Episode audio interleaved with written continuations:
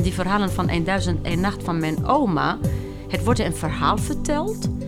Ook over seksualiteit en standjes en wat mensen doen. Maar je gaat jouw eigen invulling geven die gebaseerd is op jouw eigen sensation, sensualiteit. Je luistert naar de podcast Neverending Stories. In deze editie gaan we het hebben over seks. Hoe vormen de verhalen die we horen, lezen en zien ons beeld van seks en seksualiteit? Ik ga erover in gesprek met Kauthar Darmoni. Kauthar is uh, Tunesisch. Ze studeerde gender in Parijs en Lyon en uh, woont en werkt al vele jaren in Nederland. Um, ze heeft bijna 20 jaar ervaring met gender- en mediastudies en is daarnaast een ervaren ondernemer, spreker over vrouwelijk leiderschap en mediapersoonlijkheid. Ook is ze actief binnen de verschillende internationale vrouwenbewegingen. De afgelopen jaren was ze ook actief als godinnen-danscoach om vrouwen te versterken. Per 1 oktober 2019 is ze de nieuwe directeur-bestuurder van Atria. Kauthar, wat is een godinnen-danscoach? het is eigenlijk, uh, het komt van um, de Arabische, ik ben Tunesisch, Arabische dansen. Een van de oudste uh, vrouwenritueel, dansritueel ter wereld. Die is bijna 4000 jaar oud. En het komt uit de regio van uh, Mesopotamië. En dat is eigenlijk Syrië en Irak. En het ging tot aan Noord-Afrika. En ze heeft zelf um, Andalusië bereikt. En eigenlijk dat is een, heet het in het Arabisch Raqsat al-Ilahat, de dans van de godinnen. En de bedoeling is dat de vrouwen kwamen bij elkaar in tempels, in die tijd uh, tempel van Ishtar, om in contact te komen met wat men noemde toen de scheppende kracht. Omdat uh, dat, dat omdat zij konden baren en het leven geven. En ze werden gezien, de baarmoeder werd gezien als de bron van de menselijkheid, van de mens. Omdat iedereen is geboren vanuit een baarmoeder. Dus het is een dans die eert de baarmoeder.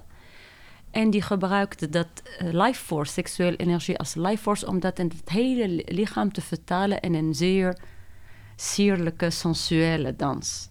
En eigenlijk de bedoeling van de dans is dat vrouwen in contact komen met dat scheppende krachten, met dat uh, schoonheid, met dat sensualiteit, met dat vreugde, plezier, spelen. En dat zij dat met elkaar ontdekken en in elkaar versterken. Dus daarom ook zijn de mannen er niet erbij. Het is een pre-Islamic ritueel. De mannen, het is niet de bedoeling dat de mannen, omdat het is een puur vrouwelijke dans. En dat vrouwen als zij uh, eenmaal in contact zijn met dat scheppende kracht, dat zij van kunnen genieten en naar buiten brengen.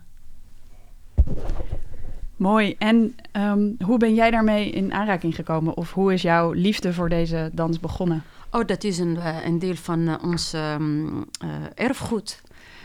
we leren dat, ik heb dat geleerd met mijn moeder, met mijn oma, met mijn grootoma, met alle vrouwen dansen. Dus het moment dat je kruipt, begin je al. Eigenlijk in de, in de, in de baarmoeder begin je al. En dat is een, uh, een, een, kunst en een, eigenlijk een manier van leven en van zijn dat vrouwen aan elkaar uh, doorgeven. Uh, die maakt jouw leven gewoon aangenamer. It's part of your DNA als vrouw.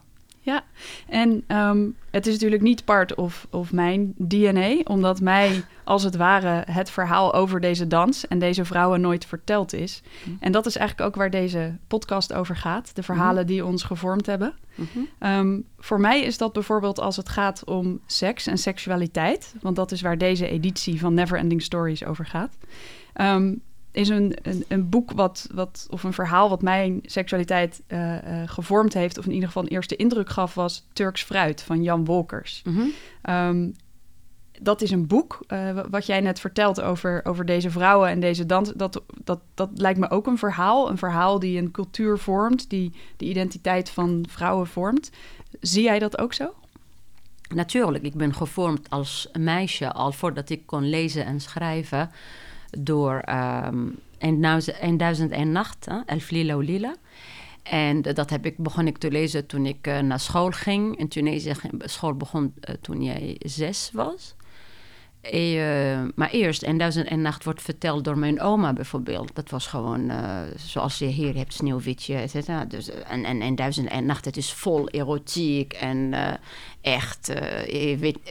ik denk dat dat wordt gezien misschien hier als verboden voor kinderen. Maar voor, voor ons, dat was normaal. Omdat er was altijd een soort van een morale verhaal erachter. Maar eh, het was echt uitgebreid over seks gesproken. Maar op een heel leuke, ludieke, speelse manier. En als je dat krijgt van je moeder of van je oma, dus krijg je ook de vrouwelijke interpretatie en versie ervan. Dat is toch anders dan. Dus het is ook belangrijk dat wie, wie, wie vertelt dat verhaal, vanuit welke perspectief. En ik heb het gekregen vanuit de vrouwelijke perspectief. Dat, dat, is, dat heeft mijn beeld gevormd. En kun je een voorbeeld geven van een verhaal dat je je nog kunt herinneren uit Duizend en één Nacht, wat dat illustreert? Ik denk één, ik weet het niet, maar als meisje bijvoorbeeld dat, um, dat eigenlijk alle verhalen gaan over it's your birthright to have good sex dat gewoon slechte seks wordt niet getolereerd. Het is niet oké. Het is niet. En, en ook dat wordt ook gerelateerd aan het geloof aan de religie. Dat uh, in de Koran uh, werd ook uh, heel duidelijk ook mannen bijvoorbeeld mogen um, geen orgasme hebben voordat de vrouw een orgasme heeft. Uh, mannen moeten vrouwen in de Koran ook. Dus mijn oma ging ook dat ook, uh, zeg maar, soort van backuppen met, met, met, met de religie. Soort van, ja, maar onze geloof zegt ook uh, dat de man mag, mag geen vrouw benaderen zonder mula'aba, de voorspel. Er is zelfs een hadith van de profeet Mohammed sallallahu alaihi wasallam. Don't approach your women like beasts je moet uh, voorspel gebruiken, mula'aba. Dus al die verhalen, bijvoorbeeld vrouwen die gaan vreemden, zogenaamde, dat zogenaamde mag niet, dat je vreemd gaat, maar omdat ze heeft een man die haar niet met een mula'aba en met liefde en met zoentjes en kusjes benadert, maar haar als een behemoth, als een beest. En daarom ging ze op zoek naar iemand anders.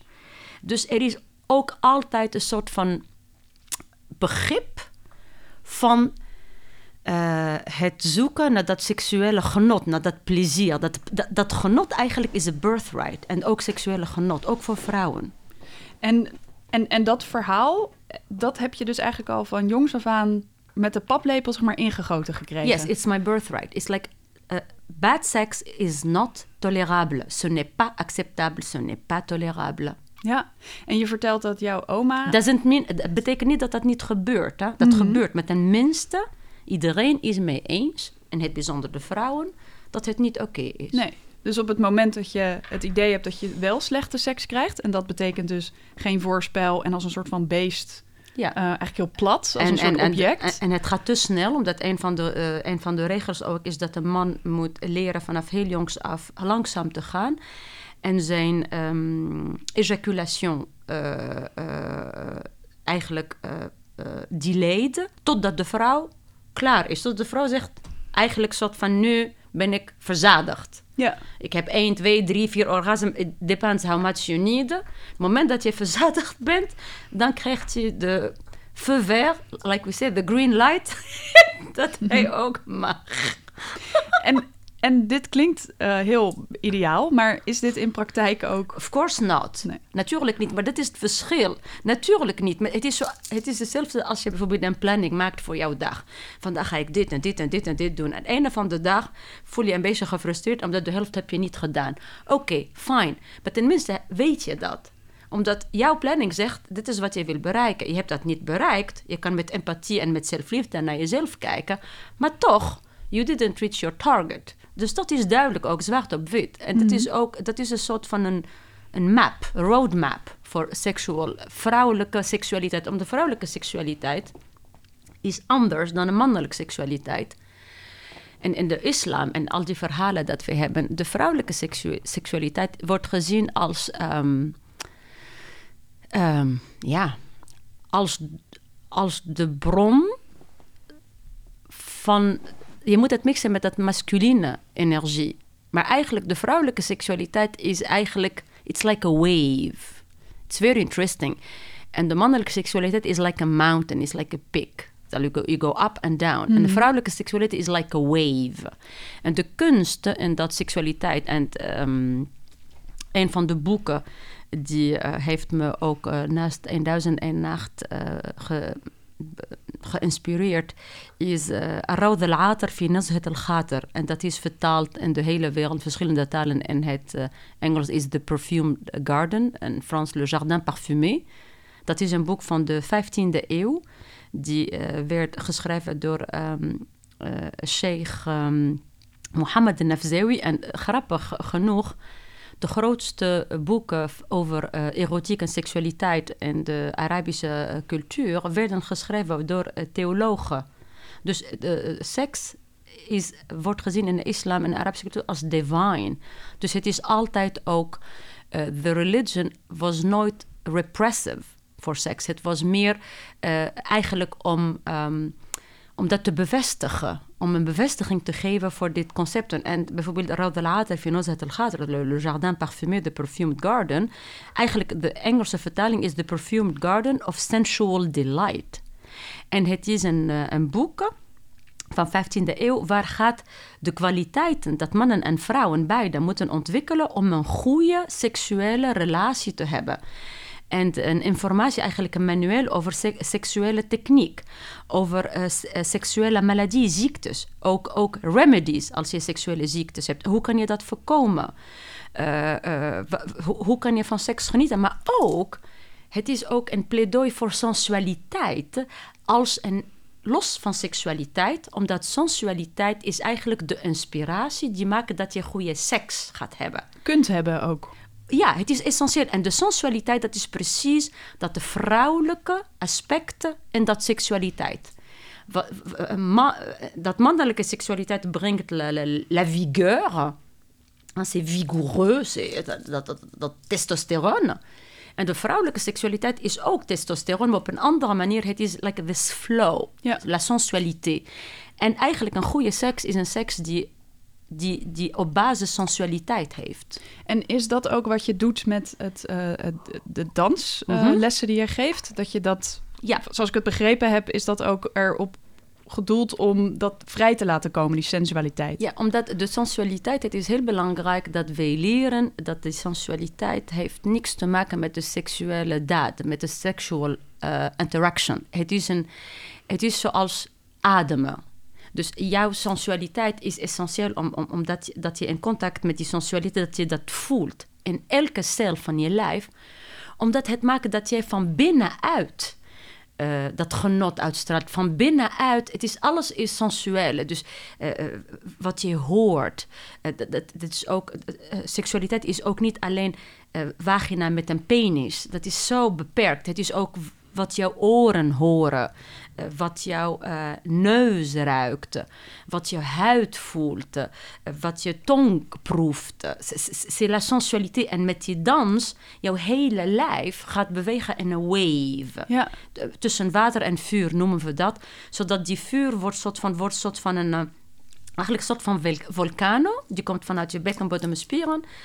En die wordt een soort van, ik noem dat de lava. Huh? It's, mm -hmm. like, it's, like, it's like watery. En dan gaat het stromen in je hele lijf.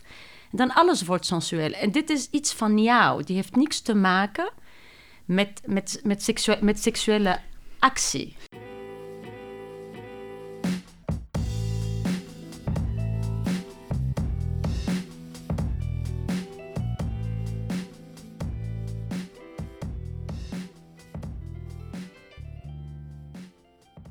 En um, ik moet denken aan het woord tantra. Mm -hmm. En dat is natuurlijk een, uh, dat kun je beoefenen. Mm -hmm.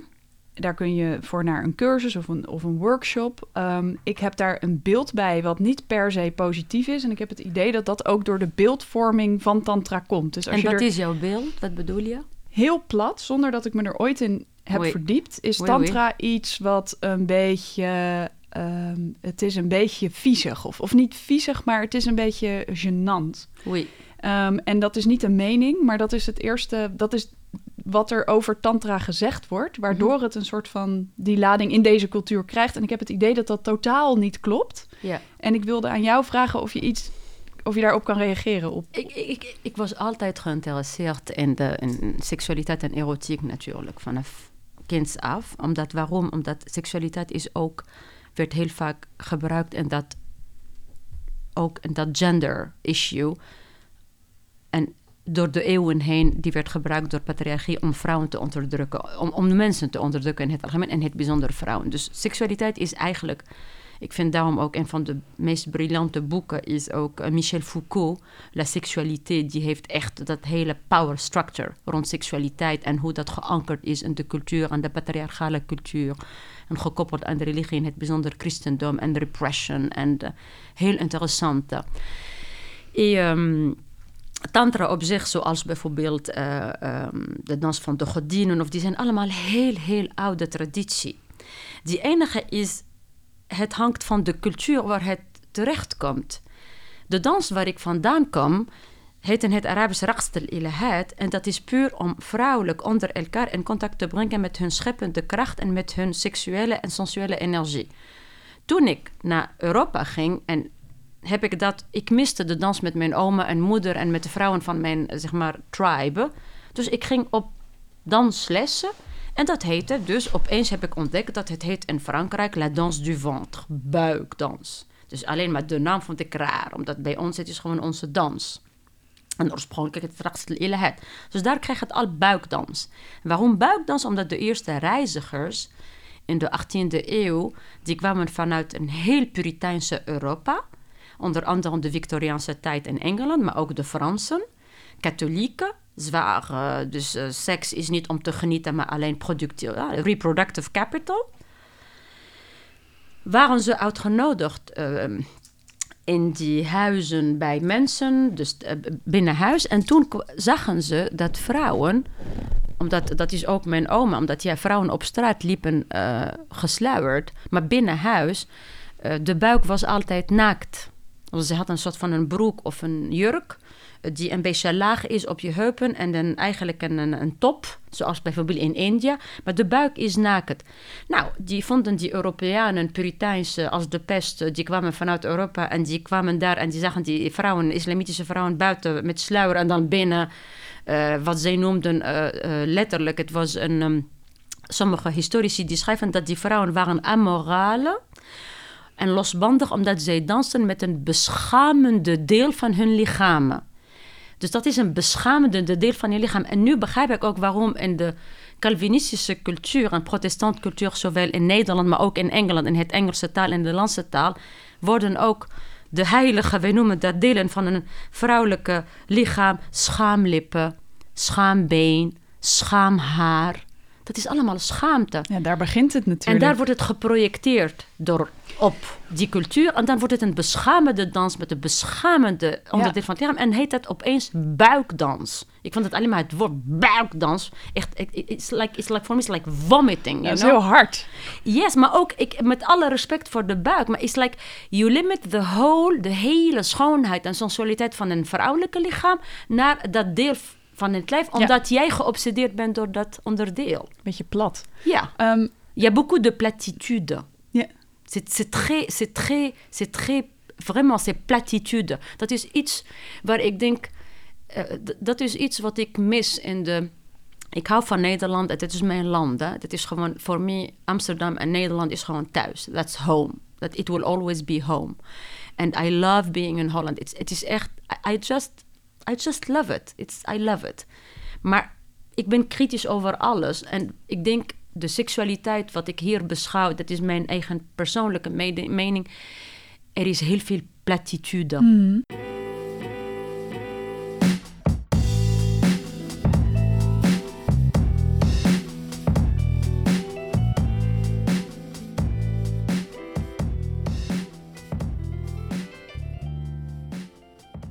Ja, ik denk zelf dat dat inderdaad wel misschien met dat Calvinisme te maken kan hebben. Ja. Um, het is in ieder geval iets wat ik zelf ook bedacht uh, in voorbereiding op dit gesprek. Um, is, denk jij dat ook? Je, je, je, haalt het net zelf al aan, dus dat, dat wij dan woorden als schaamstreek en schaamlippen uh, gebruiken. En je maakt ook die link met het Calvinisme. Is er, denk je, nog meer van hoe vormt dat eventueel onze seksualiteit? Heb je daar een idee over? Ik denk dan begint dat al met dat cultuur van schaamte, van seks als bron van schaamte. Waar ik vandaan kom, natuurlijk er is, natuurlijk er is schaamte, er is van alles. Het is it's also, I mean, op, op heel veel gebieden, het is completely fucked up. Daar gaat het niet om. Maar dat, dat is iets wat ik noemde de patriarchale cultuur. Dus dat is overal, het is een epidemie. Maar parallellement heb je ook een bepaalde schoonheid en bepaalde waardering van, voor, voor de vrouwelijke seksualiteit en bepaalde, ehm, bepaalde uh, respect dat ik soms mis. In de, Hier in Nederland? In, in, in westerse christelijke cultuurachtergrond, waar, waar, waar het zo de schoonheid is eruit. Het is gevaarlijk, het is uh, uh, schaamte, het is uh, onderdrukking, het is... it's like the whole pleasure is just gone. En dan men gaat dat zoeken met dingen zoals ook de hele ook pornification, sexualization cultuur ook. De hele representatie van de seksualiteit en de pornindustrie ook is zo... Ik heb het jarenlang op Universiteit van Amsterdam mijn studenten noemden dat op maandagochtend de ontnuchtering van mevrouw Darmonie. Omdat elke maandagochtend, ik had, ik, bij UvA, ik gaf jarenlang uh, colleges over erotic capital in the media. Dus alles wat heeft te maken, dat is geïnspireerd. Een andere boek die heeft me heel erg uh, gevormd is uh, Franse socioloog Pierre Bourdieu. Die is begonnen met de theorie van kapitaal. En dat elke mens heeft sommige kapitaal, like human capital de, bijvoorbeeld de intellectual capital. Wat, wat, heb je in je brain? Wat heb je gestudeerd? Wat is jouw, uh, wat is jouw gewicht? Wat is jouw kapitaal intellectuele? Wat is jouw kapitaal economieke? How much money do you make? Do you have a house? Uh, huur je? Uh, do you owe it? Auto? waarde, kapitaal, money, you know? Economiek je hebt social capital, jouw netwerk. Wie ken je? Dus is dat belangrijke mensen, niet influencer, et cetera. Maar je hebt ook erotic capital. Wat is jouw waarde, erotiek? Wat is jouw erotische intelligentie? Hoe, hoe, hoe, hoe is jouw... En de erotic capital van vrouwen in het algemeen wereldwijd... en in het bijzonder in westerse cultuur is best laag. Als je kijkt naar de porno-industrie... de erotic capital of women is not uh, uh, is not taking in consideration. De hele, de hele, de hele representatie van seks. Dus met mijn studenten, ik ging elke maandagochtend, dus natuurlijk in Amsterdam, de hele weekend is ecstasy en zuipen en dansen en de houseparties. Natuurlijk. En, en dan kom je maandagochtend om uh, naar de academische kwartier, kwart over negen. En dan pats, boom. We gaan naar porn kijken en we gaan analyseren. Ze zitten nog steeds een beetje onder, onder invloed. Ja. En dan moeten ze, moesten ze, eigenlijk kijken ze samen naar pornbeelden. En hoe representatief is dat voor onze seksualiteit? Wat zegt, dat, wat, zegt dat over, wat zegt het over ons? En dan vraag ik aan hun ook om anoniem aan mij een lijst te geven van tevoren van pornofilms die hebben hun seksualiteit gevormd.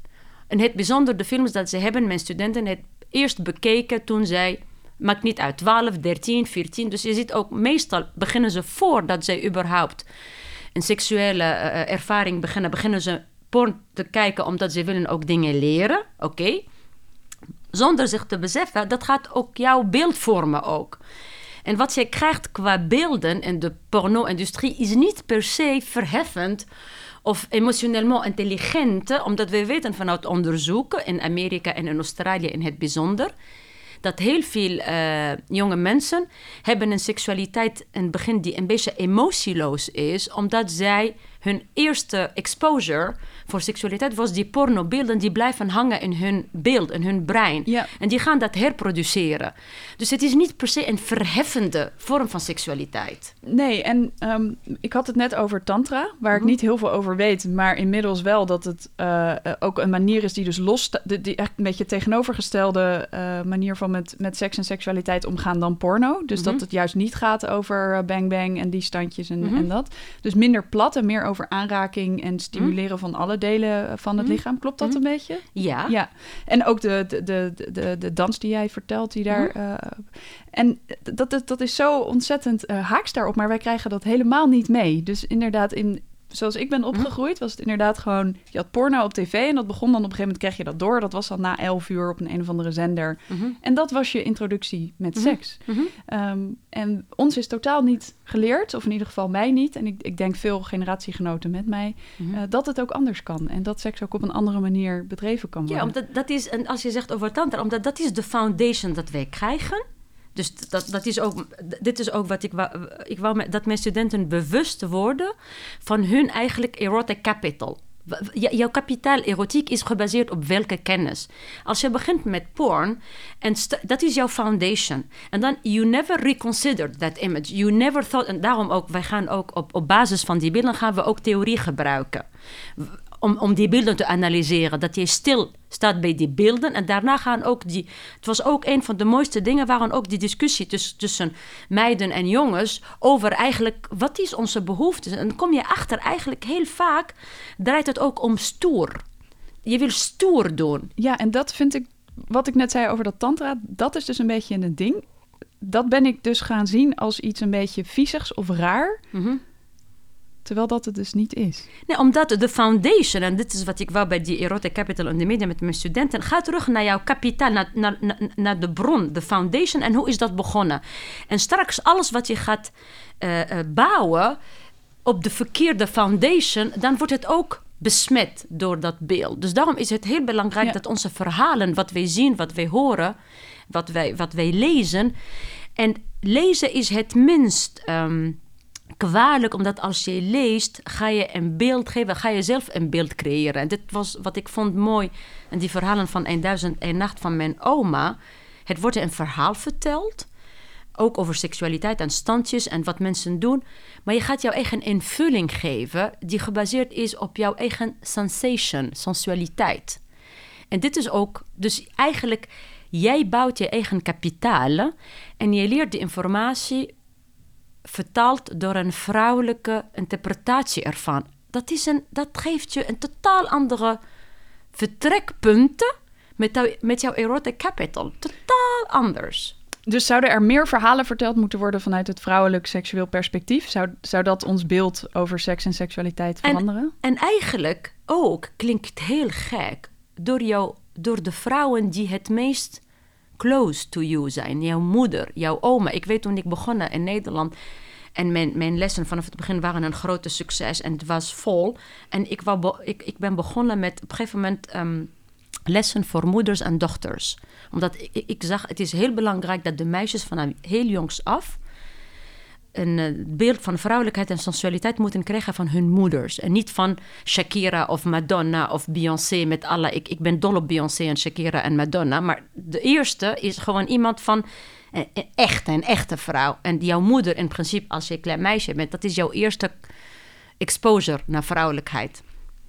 En die, ik krijg die lessen maar niet vol toen ik ging vragen naar die vrouwen die bij mij dansen, soort van, goh, maar waarom kom je niet met je dochter? Ja, zeggen ze, dat ze is te jong. En ik vroeg, maar hoe, hoe, hoe oud dan? Ja, vier jaar. Zegt, dat is perfect.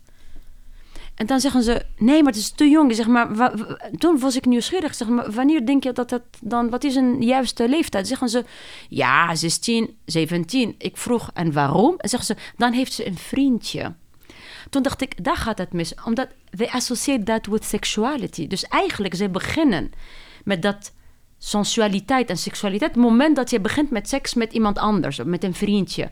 Maar dan denk ik, dat is te laat. Omdat betekent dat je gaat beginnen in verband met een interactie met iemand anders.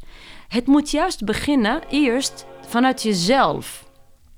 Vanuit jezelf. En het moet juist beginnen met je moeder en met je oma. Omdat die zijn de echte vrouwen in je leven. Die zijn vrouwen met wie je hebt een emotionele band. Met wie je hebt, als het goed is, warmte, liefde, affectie.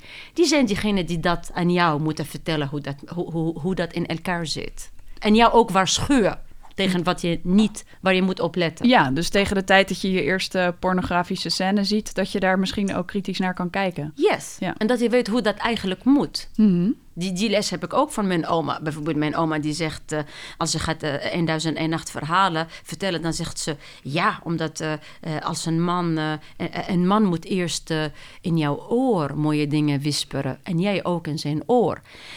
je weet of een man goed in bed of niet als de manier waarop hij liefde bedrijft met je hand. Dan weet je al hoe dat is.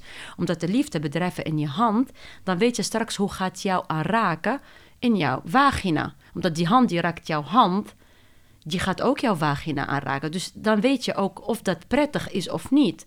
Je hoeft niet met iemand naar bed. Begin eerst met de handen. En hier denk ik, het is te veel focus op de vagina en de penis die elkaar moeten ontmoeten. That's just far away. Daar ga je niet mee beginnen. Dat is niet interessant. Dat moet niet het hoofdthema zijn. Nou, en wat ik mis, ik, vaak in, in de westerse seksualiteit, is er is een kind of fixation, fixatie op de penetration, which is the less interesting part in de seksualiteit in heel veel andere culturen die niet westers zijn.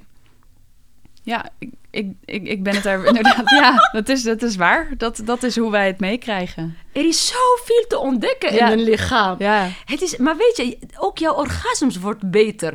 En wat, wat, wat dat doet bij jou als vrouw... Vrouwen zijn multi-orgasmieke. Het is like, je doet jezelf tekort als je dat niet allemaal hebt. Waarom één? Ik kan drie, vier, vijf, zes hebben. Ja.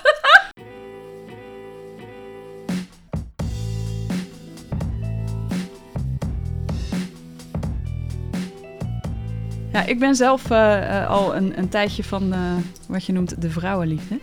En ehm, het, valt mij wel op ook dat... eh, Ja. Ik denk omdat wij geen standaard voorbeeld hebben van heteroseksuele seks. Dus wij hebben geen beeld daarvan. Ja. Dus op het moment dat wij voor het eerst eh, eh, seksueel zijn met een andere vrouw... Ja. moeten we dat helemaal zelf uitvinden. En dat zorgt er denk ik voor dat, dat we creatiever worden. En dat de nadruk meer is van, oh, vind je dit prettig? Vind je dat Yes. fijn? Ehm, en ehm, ja, uit onderzoek is gebleken dat, dat, dat lesbische vrouwen betere seks hebben en meer orgasmes Yes. dan heteroseksuele vrouwen. En ik denk Ja. dat dat daardoor komt. Dus het Yes. is heel grappig dat dat...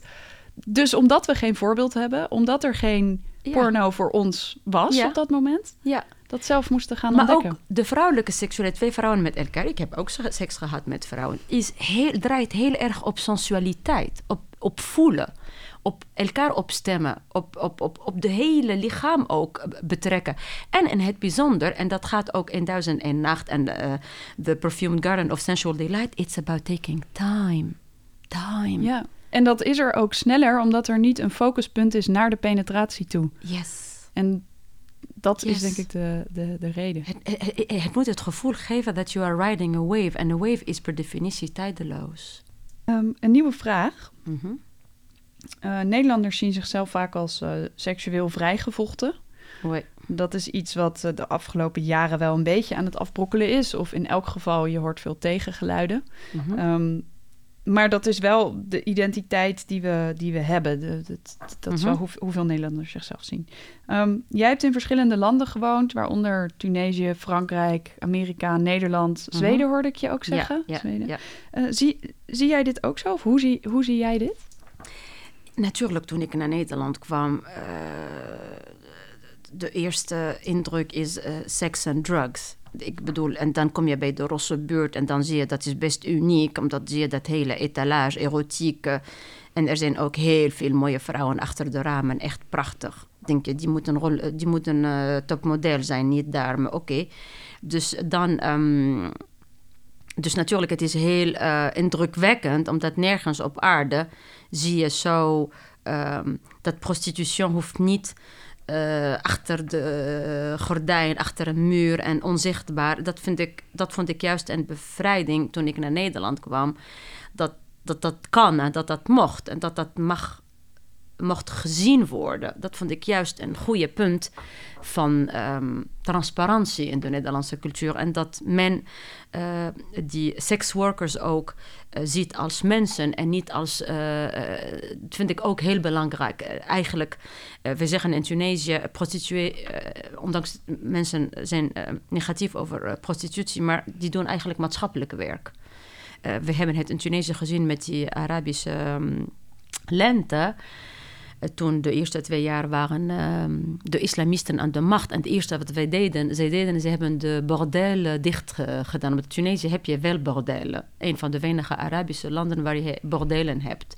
Maar die, maar die zijn natuurlijk eh soort van eh, onzichtbaar. Dus, maar... En toen kwam, begon toenemen van sexual violence, verkrachting, heel veel geweld, seksuele geweld in Tunesië.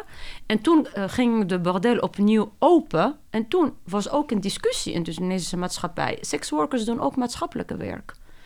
Dat, mag je niet doen. Dat is eigenlijk dat is niet fijn dat je dit doet. Dus dat vond ik ook dat Nederland zo ver was.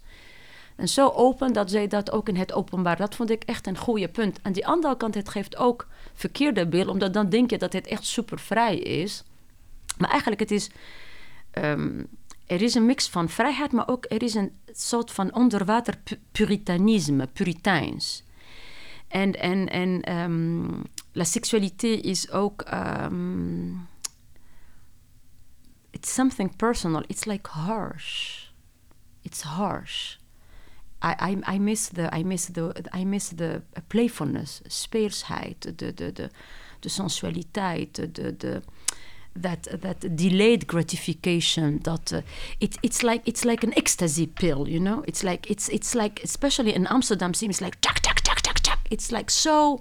Het is zo staccato energie. Ik weet dat uh, ik, ik, ik werkte op een gegeven moment ook um, met uh, refugees, in het bijzonder van de LBGT community, LBHT.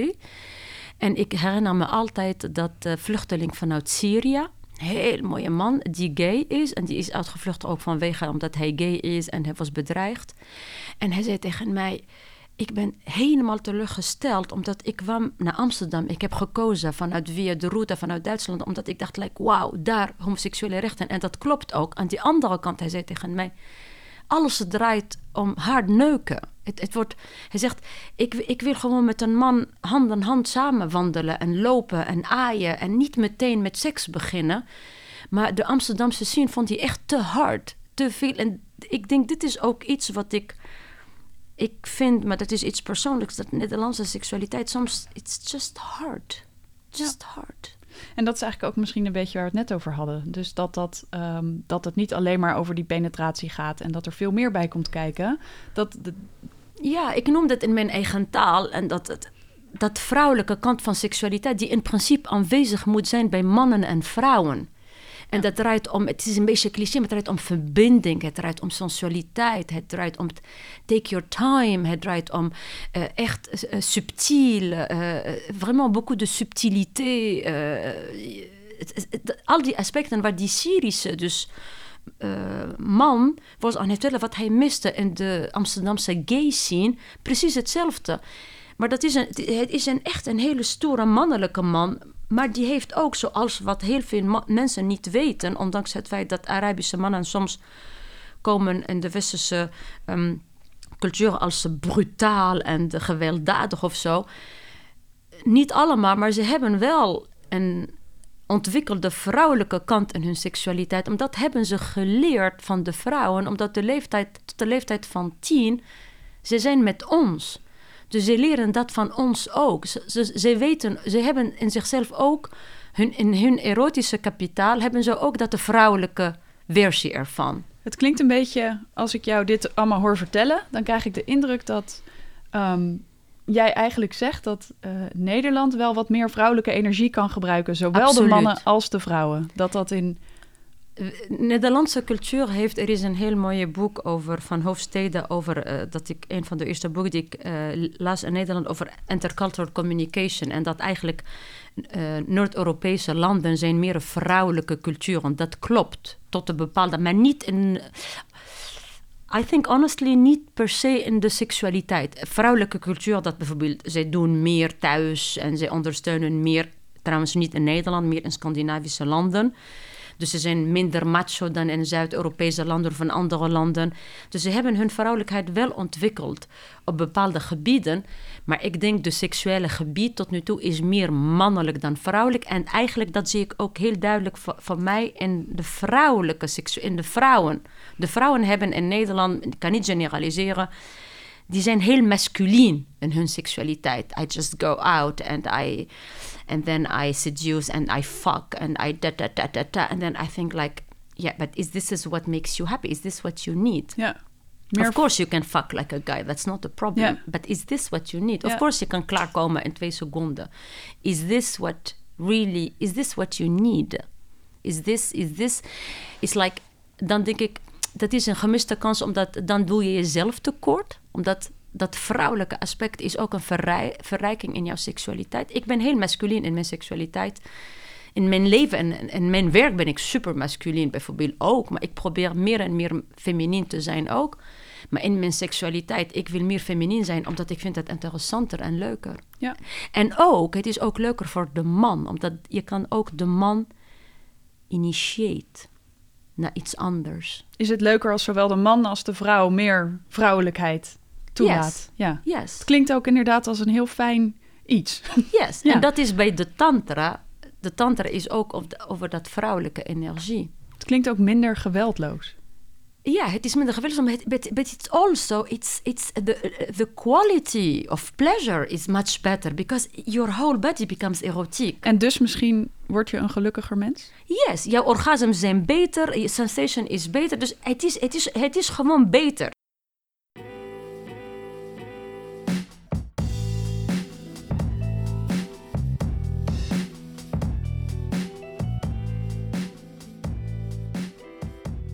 Ik heb nog een, eh, een laatste vraag. Ik keek vanochtend eh, een, eh, een oude opname van jou van de wandeling. Ja. En daarin zei je dat jouw vader en Simone de Beauvoir jou feministisch hebben gemaakt. Ja. Zou je dat willen toelichten? Nou, ik ben opgegroeid zonder tv thuis. Dus wij lazen heel veel boeken. En mijn vader, die was een monster met lezen. Die, die, die had elke jaar op jaar... eh, we hadden niet zoveel geld, dus hij ging altijd boeken lenen van de bibliotheek. En hij was eh, echt elke jaar de beste lezer van de stad. Zoveel boeken las hij. En ik denk gelukkig in Nederland ben ik opgegroeid in Tunesië en niet in Nederland. Omdat als ik in Nederland zou ge, gewogen en getogen, dan zou ik de stempel, de label gekregen van ADHD. Omdat ik was een superactieve kind. Maar ja, eh, ik moest mijn energie kwijt. Dus in de siesta ging ik altijd, als mijn vader in slaap gevallen was, ging ik altijd stiekem de boeken lezen dat hij aan het lezen was. Dus ik heb alles gelezen wat mijn vader las. En onder andere zag ik ook Le Deuxième Sexe van Sim- Simone de Beauvoir. Ik, was, ik denk ik was acht of zo. Ik, ja, ik zag seks. Dus ik wist niet dat het, wat dat was. Dus ik dacht, like, oh, het gaat over seks. Dus ik wil over seks. Dus ik ging dat boek, echt het hele boek, suf lezen. Ik, ik begrijp niks van. En ik zag alleen maar een seksscènes, seksscènes. Maar het was gewoon niks. Ik vond dat verschrikkelijke boek. En nog een keer doorspitten? Ja, en nog een keer waar geen Waar seks... zit die seks ja, nou? Niks. Dus elke keer ging ik echt scannen, de woord seks, maar er was geen seksscènes. Dus ik vond het een waardeloze boek. Maar toch, het heeft me toch op onbewust niveau gemarkeerd. En dat is eigenlijk mijn eerste... En daarom ook wou ik later naar Frankrijk gaan en de Sorbonne studeren. Omdat dat heeft me echt gevormd. Eh, twee boeken heb ik met mijn vader gelezen. Die hebben me geworden... De, euh, Le deuxième sexe de Simone de Beauvoir et euh, Erotica de Anaïs Nin. Erotica de Anaïs Nin. Hij, las ook Anaïs. Die waren de twee boeken eh, dat ik eh, las. En toen ik, grappig genoeg, dat was mijn eerste connectie met Nederland. Met Nederland, ik was gek, volgens mijn moeder. Ze zei dat als kind, ik werd geobsedeerd door een straatje van Vermeer. En het schijnt dat ik zei tegen mijn moeder, straks ga ik daar wonen. En ik zei dat die twee kinderen die buiten spelen, dat was ik met mijn zus. En mijn moeder was aan het uh, naaien achter de, de deur. Dus ik heb een hele mise-en-scène gemaakt. En ik heb besloten dat is mijn land. Dus daarom ook denk ik ook dat ik mijn connectie met Nederland zo sterk is. En ook echt liefde. I just, I just love. I don't know why, maar het is gewoon liefde. En de tweede is... Um, de, met Nederland uh, uh, was Xavier Hollander, de Happy Hooker. Toen ik twaalf was, omdat in Tunesië, ik ben opgegroeid aan het strand en daar kwamen toeristen van de hele wereld, en het bijzonder toen heel veel Duitsers, Nederlanders en Scandinaviërs, en die lieten boeken achter als zij weggingen. En wij woonden aan het strand. Dus ik ging altijd die boeken collecten als mensen weggingen, s ochtends. En dan een van de boeken die ik vond toen, The Happy Hooker, van Xavier Hollander in het Engels. Dus ik las nauwelijks Engels, Engels maar ik, dus ik heb dat, een van de scènes, ik weet het nog, Deep Throat. Dus Deep Throat, dus Deep Throat heb ik niet van de porno, heb ik toen die beschrijving van Xavier Hollander geleerd. Dus dat was mijn tweede connectie met Nederland. Ja, wat, wat best wel een heftig woord is als je dat voor het eerst ja. uh, leest. Ik kan nog steeds niet helemaal uh, verwerken. maar wat leuk, want dus, jij woonde aan een kuststad, veel toeristen. En daardoor kreeg je ook die, ja. die, die input van buitenaf. En ja. mede dus door de boeken die ze, ja. die ze lieten liggen. Maar, maar dat is ook een van de dingen dat ik juist toen ik naar Nederland kwam... en dat verdiende in Nederland mijn respect qua cultuur... hoe zij omgaan met seksindustrie en seksworkers. En de boek van Xavier Hollander vond ik ook een beademing... omdat, denk ik, dat vrouwen als seksworkers werken... terwijl dat is eigenlijk meestal voor de plezier van meneer... En dan word je gestraft, omdat jij dat werk doet. En vaak, ik, zeg het ook vaak in Tunesië, omdat het is gek genoeg. Ik heb de dans geleerd onder andere in Tunesië, omdat mijn oma, mijn, eh, mijn, oma, die woonde naast de bordelen. En dan in de siesta, ik ging via de dakken, dakterrassen. Die Arabische huizen hadden heel veel dak, dus die zijn tegenover elkaar. Dus je kan van de ene huis gaan via de terras. En dan, dus uh, de vrouwen van de bordel, die woonden en dan die gingen elke middag samen dansen. Dus ik heb met hun ook leren dansen. En ik vond hun echt ontzettend vrije, geestige, leuke, stoere vrouwen. En dan als kind heb je geen veroordelen. Maar dan, dat, toen zei mijn oma dat ik dat niet meer mocht, omdat die waren hoeren. En dan, ik, like, ik, wist, ik, ik, wist niet wat hoeren waren, maar die waren gewoon leuk. Dus waarom is dat slecht? Ja. En dat was eigenlijk mijn eerste vragen over hoe het wordt omgegaan met het vrouwelijke sexual practices. Dat men dat gebruikt voor de plezier van, maar maar jij wordt gestraft als Ja, vrouw. ja, je dat- bent altijd de dupe ervan. De hoer. Yes. En toen dacht ik, en dat was eigenlijk, ik denk, gesproken een van de redenen waarom ik ook met gender studies begonnen ben, is vanwege dat oneerlijke systeem waar vaak vrouwen en de vrouwelijke seksualiteit de dupe ervan is. En dat vond ik zo onrechtvaardig als meisje al. Toen En dacht- als, je, en als je dat ziet, dan wordt het alleen maar zichtbaarder, hè? Als je dat Ja. eenmaal ziet. En, dat, en, dat, en dat, ik heb echt een, een, een- mijn levenswerk van gemaakt. En het feit dat ik nu bij Atria ben. En Atria is het kennisinstituut van gendergelijkheid en emancipatie in Nederland. We hebben trouwens de, een van de grootste en de oudste collectie ter wereld voor vrouwenrechten, vrouwengeschiedenis en vrouwenemancipatie. Echt klein in Nederland. Wij mogen wel trots op zijn. En eh, dat is ook de erfgoed van Aletta Jacobs. Echt fantastische collectie en fantastische plek. En ik ben heel... eh, it's a privilege to be CEO of Atria. Omdat dan kunnen we echt, omdat wij, wij, wij doen wetenschappelijk eh, onderzoek eh, voor eh, beleidsadvisering, zodat wij ook de wet en de situatie kunnen veranderen om maatschappelijk impact te hebben over gendergelijkheid en emancipatie. En sex workers is ook een deel ervan. Ja, en ehm, Atria is natuurlijk een plek waar heel veel verhalen worden gearchiveerd, Mhm. zijn gearchiveerd. Kan Atria ook een rol spelen in het, ehm, in het verspreiden van verhalen die we eigenlijk ook moeten horen? Dus we hebben het net gehad hoe, hoe in Nederland eigenlijk het verhaal over seks en vrouwelijke seksualiteit vrij plat is. Mhm. Ehm, en we willen eigenlijk meer vrouwelijkheid. En dat kan door, door, door meer verhalen te vertellen in, in alle vormen. Mhm. Eh, kan Atria daar een rol in spelen? Dat is precies een van de redenen waarom ik eh, gekozen ben door de Raad van Toezicht. Die, waren, eh, die zijn heel visionair. En ehm, die hebben gezamenlijk eh, voor mij gekozen. Een van de redenen is om een, een, een andere beeld, dat storytelling. Ik kom uit een cultuur, de, de, de voorzitter van onze raad van toezicht toen, Petra Stienen, die is ook een Arabiste. En die kent ook eh, de culturele achtergrond waar ik vandaan kom en de 1001 nacht. En die heeft trouwens Arabisch geleerd in, eh, mijn, in Tunesië. Een fantastische vrouw. En Petra Stienen die weet precies de, de toevoegde waarde van mij bij Atria. En eh, dat is ook van haar, van haar eh, eh, spierpunten. Is, die verhalen moeten naar buiten. Het moet verteld worden. En jij komt uit een 1001 nacht. eh, cultuur en verhalen. En die, de wereld en Nederland moeten die verhalen van de vrouwen nu, die archief moet naar buiten. We have to tell the stories Ja. vanuit de vrouwelijke perspectief. Empowerment through storytelling. Absolutely. En dat is ook haar eh, kracht, Petra ook. Ja. She's also a storyteller op een heel mooie manier. Ja, ik geloof ook dat dat heel erg machtig en heel krachtig kan zijn. En dat het veel verandering eh, teweeg kan brengen. Super positief. Ik heb er meteen helemaal zin in. Ehm, ik heb een laatste vraag. Ja. Heb jij nog een, eh, een boek of een, een verhaal wat je wilt delen en aanraden aan ons? Ehm, ik denk sowieso om eh, misschien die, die boeken te lezen, bijvoorbeeld eh, eh, The Perfumed Garden of Sensual Delight. Die is een boek van de 15e eeuw. Die heel mooie boek over, en ook heel entertainend, heel mooi is. En er is een andere boek voor diegene die meer geïnteresseerd in dat wetenschappelijke. De boeken natuurlijk van de, een van de mooiste eh, boeken en ook geschreven door een Arabische feminist, Fatima Mernissi. Haar boeken zijn vertaald in bijna 40 talen. En die heet eh, in het Engels Beyond the, the Veil, Achter de Sluier. Waar zij ook eh, maakt de vergelijking tussen de, eh, vanuit, vanuit de, de, de wetenschap en de geschiedenis en de theologie, de religie ook. het verschil tussen de, de, eigenlijk de islamitische Arabische seksualiteit, de christelijke westerse seksualiteit, hoe dat verbonden is aan de cultuur, aan de religie, aan het patriarchaat. En eigenlijk hoe de vrouw, uh, seksualiteit en de Arabische cultuur is juist, het is omgekeerde wereld. Het, totaal opposite to Freud.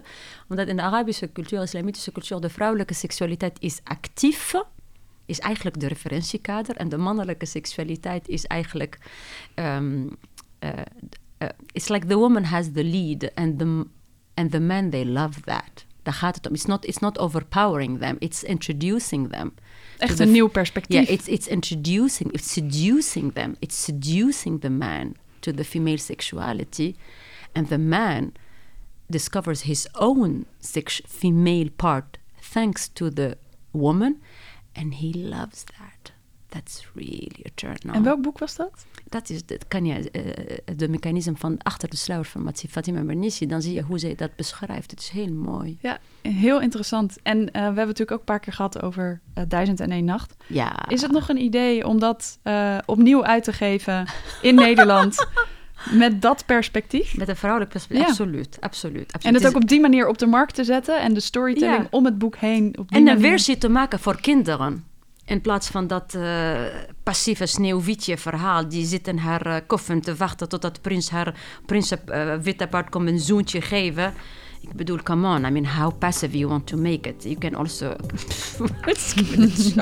nou ja, Rose Stories is een uitgeverij. Dus volgens mij hebben we hier een idee voor een boek liggen. Kauwvertaal, ik wil jou heel hartelijk danken voor dit gesprek. Merci.